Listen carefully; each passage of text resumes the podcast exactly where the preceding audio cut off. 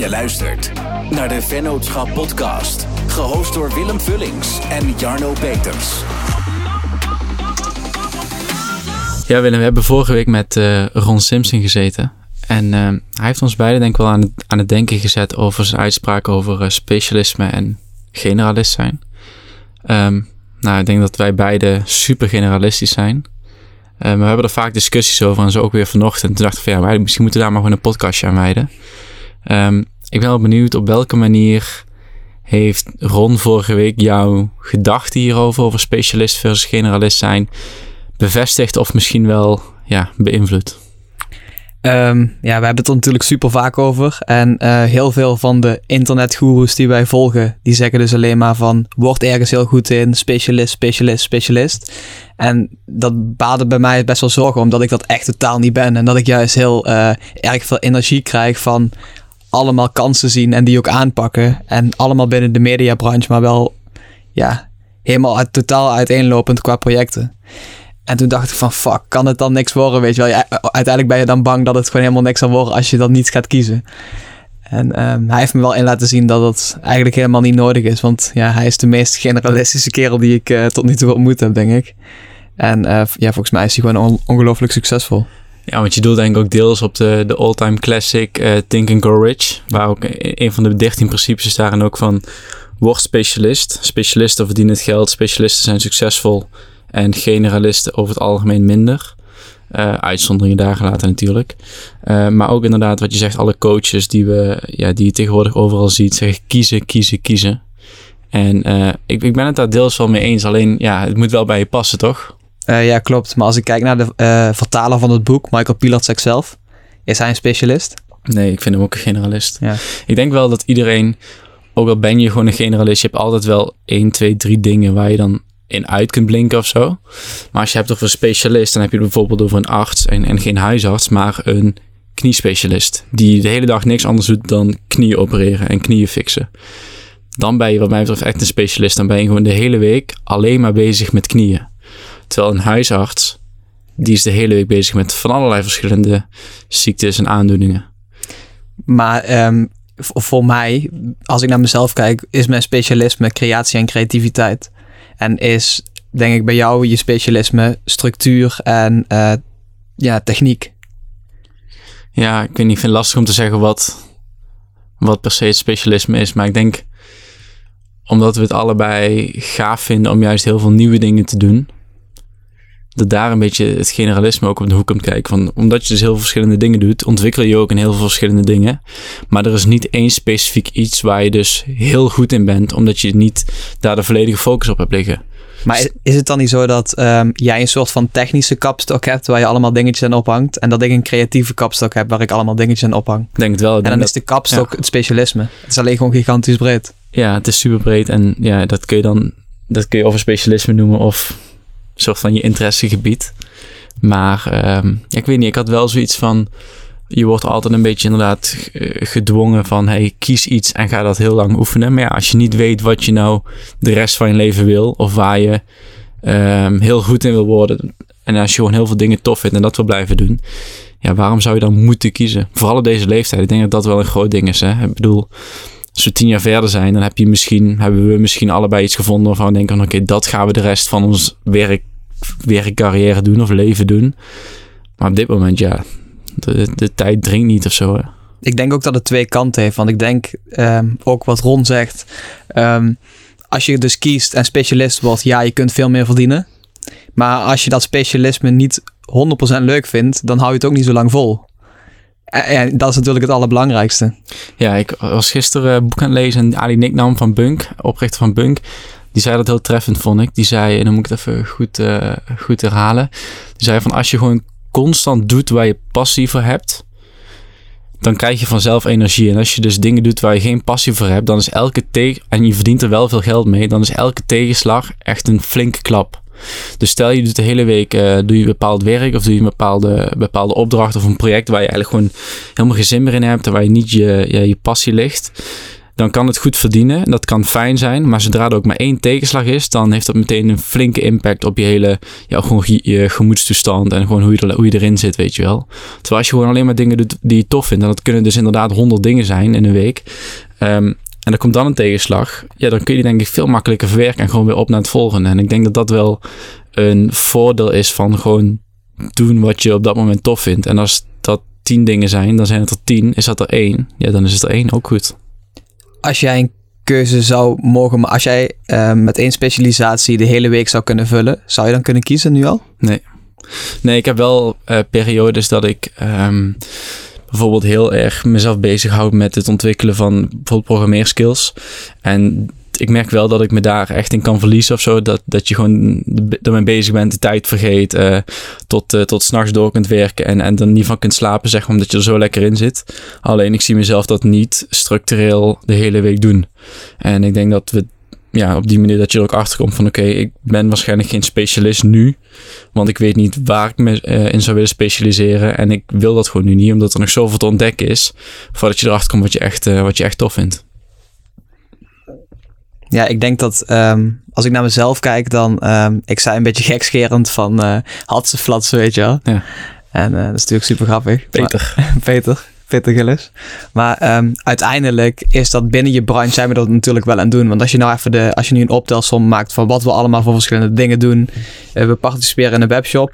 Um, ik bouw nog steeds merken. Jij bouwt nog steeds websites. Uh, we hebben onze eigen podcast. We hebben een branded podcast. We schrijven commercials. Nou ja, afgelopen maand uh, misschien wel 40 tot 50 items uh, beletterd samen met Cornelissen. En ik kan ook echt niet kiezen wat ik het leukste vind. Maar um, ja, ik merk wel dat sinds dat ik bijvoorbeeld een nieuwe sparringspartner heb qua boekhouding, dat ik zelf een beetje zeg maar alles kan gaan doen. En dat zij me wel een beetje soort van de goede richting opduwt. Een beetje in het houdt. Ja, dat, want ik wil ook gewoon een beetje fladderen of zo, weet je wel. En creatief na kunnen denken. En uh, door met haar te sparren weet ik wel zeg maar wat de stip op de horizon is voor het jaar. En dat werkt voor mij gewoon heel goed. Ja, het is een beetje ook een automatisch leerproces. Want ik denk als we naar drie jaar geleden of vijf jaar geleden keken, toen was het met, voor mij met name websites. Voor jou is het toen met logos begonnen. Ja, nu is dat beide is nog maar zo'n klein onderdeel van wat we doen. Ik ben steeds minder websites aan het bouwen. Jij bent nauwelijks logos meer aan het ontwerpen, maar meer gewoon het hele, de hele branding op aan het pakken van, uh, van bedrijven. Dus eigenlijk door de tijd heen, door de jaren heen, trek je het jezelf toch automatisch toe naar hetgene wat je op dat moment tof vindt. En um, in mijn geval, als ik na vijf jaar het maken van heel veel verschillende websites in een, uh, in een jaar bijvoorbeeld steeds minder uitdagend vind, dan ga ik automatisch andere dingen doen. Dan ga ik automatisch de focus verleggen. En voor jou geldt hetzelfde op, op logo-gebied bijvoorbeeld. Um, dus ik denk dat je, we zijn er wel bewust mee bezig, maar ook onbewust ga je automatisch beslissingen maken die je, uh, ja, die je leiden naar, wat je op dat moment tof vindt. Ik vind het misschien ook wel, um, het is wel heel makkelijk. Bijvoorbeeld zo'n guru zegt tegen je van, uh, je moet specialist worden. Maar stel je voor dat je op deze leeftijd, hè, je zit uh, 40, soms 50 uur op kantoor. En uh, er komt gewoon een hele mooie opdracht voorbij die niet in je specialisme valt. En waar je dus ook nog wat aan kunt verdienen. Ja, dan zou je natuurlijk eigenlijk wel gek zijn om dat niet te doen. Om dat niet uit te proberen. Ja, ligt eraan. Ik vind dat je soms ook heel sterk in je schoenen moet staan en nee moet kunnen zeggen. Nee, maar ja, als je er zin in hebt, hè? Als je ja, denkt, precies. oh, dit, nee, is, okay. dit is gaaf, dit is een kans, dit, is, dit lijkt me echt leuk om te doen, dit Ja. is nieuws. Als dat zo is, dan, uh, dan 100% ervoor gaan als je, dat, uh, als je daar energie van krijgt. Van de andere kant, ik dacht meer van, oké, okay, stel dat doet een, een financiële kans doet zich voor en het past niet helemaal in je straatje op dat moment. Dan vind ik wel, hoe, hoe groot die kans op financieel gebied dan ook is, dan moet je wel sterk in je schoenen kunnen staan. Je kunt er dan alsnog voor kiezen om het te doen. Maar uh, nee zeggen is daarin ook wel heel belangrijk. Ja, het grappige wat, uh, wat Ron ook zei van... Um, ik heb letterlijk nooit voor het geld gekozen, want anders was ik al specialist geworden. Maar puur omdat hij het ook vet vindt om, ja, hij noemt het volgens mij golven. Uh, hij noemt zichzelf een creatieve oceaan en die gaat mee op die golven. En ja, zo is het ook wel. Dingen komen en die, ja, die komen en gaan. En je kunt daarop inspringen of niet. En misschien is het inderdaad wat je toen straks al aangaf van... Um, krijg je er energie van? Doe je dan mee? Misschien alle keuzes die je maakt, krijg je er energie van of kost het me energie? En dan zeg je gewoon ja of nee. Ja, en op het moment dat je een keuze maakt, dan, uh, dan ontstaat er iets interessants.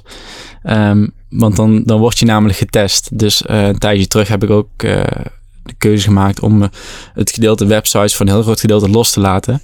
En dan is het interessant, want in de week daarna dan komen er opeens dan, dan word je overspoeld qua aanvragen. Terwijl de, de hele periode daarvoor gewoon structureel altijd hetzelfde is geweest. En dan is het heel verleidelijk en heel makkelijk om daar ja te zeggen. Maar dat is dus de test. Want je hebt, je hebt een keuze gemaakt. Je hebt nee gezegd als het ware. En je wilt je ergens anders gaan focussen. En dan krijg je die test. En dan is het heel makkelijk om daarop ja te zeggen en weer terug te vervallen in je oude patroon. Maar je hebt niet voor niks die keuze gemaakt. Dus dan is het interessant wat er dan gebeurt. Ga je daarin mee of, of ga je dan toch kiezen waarvoor je gekozen hebt? Het is een beetje zweverig met sommige, uh, en waaronder ook uh, het boek waar we het straks over hadden met de, uh, de wet van de aantrekkingskracht. Mm -hmm. Die zegt, of ja, als je daarin gelooft, dan zegt hij dus dat um, het universum dat bepaalt. Ja, die test jou. Ja. Ja, geloof je erin? Nou ja, ik denk niet dat het universum bepaalt. Ik denk dat het universum jou test en dat je zelf bepaalt. Dus wat ik net als voorbeeld probeerde te zeggen. Um, ik maak een keuze om de focus niet meer op websites te hebben. De week daarna krijg ik heel veel aanvragen ineens uit het niets, alsof het toeval is, voor websites. Dus dat, dat wordt getest door het universum. En dan is het aan mij om daarop in te gaan of daar mijn eigen koers in te volgen. Zo zie ik hem. Ja, nu gaan we wel even weer een, uh, weer een jaartje terug, denk ik. Maar toen heb ik even tegen jou gezegd van... Ik denk dat ik echt uh, uh, projectmanagement op wil pakken. Ja. En toen net na dat gebeurde, kreeg ik echt gewoon...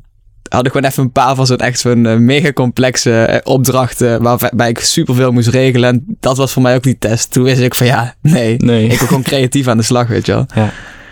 Ja, je hebt toen inderdaad, dat is een mooi voorbeeld. Je hebt toen de keuze gemaakt.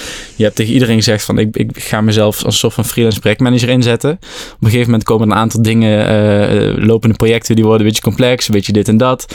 Word je getest en dan kom je erachter van ja, nee, dit is hem eigenlijk niet. Oké, okay. on to the next. Ja.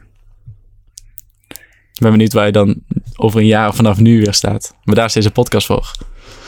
Ja, inderdaad. En ik merk qua eigen strategie dat ik steeds meer wel weet welke kant dat ik op wil. Of dat sommige dingen steeds duidelijker worden. Dat, dat is, wel, ook, dat is ook, mooi. Winstig, ook winstgevende voor jezelf. Ja, ik denk dat het, dat, dat het mooi is, omdat je, we komen terug op generalist versus specialist. Generalist doet heel veel, vindt heel veel dingen tof en interessant.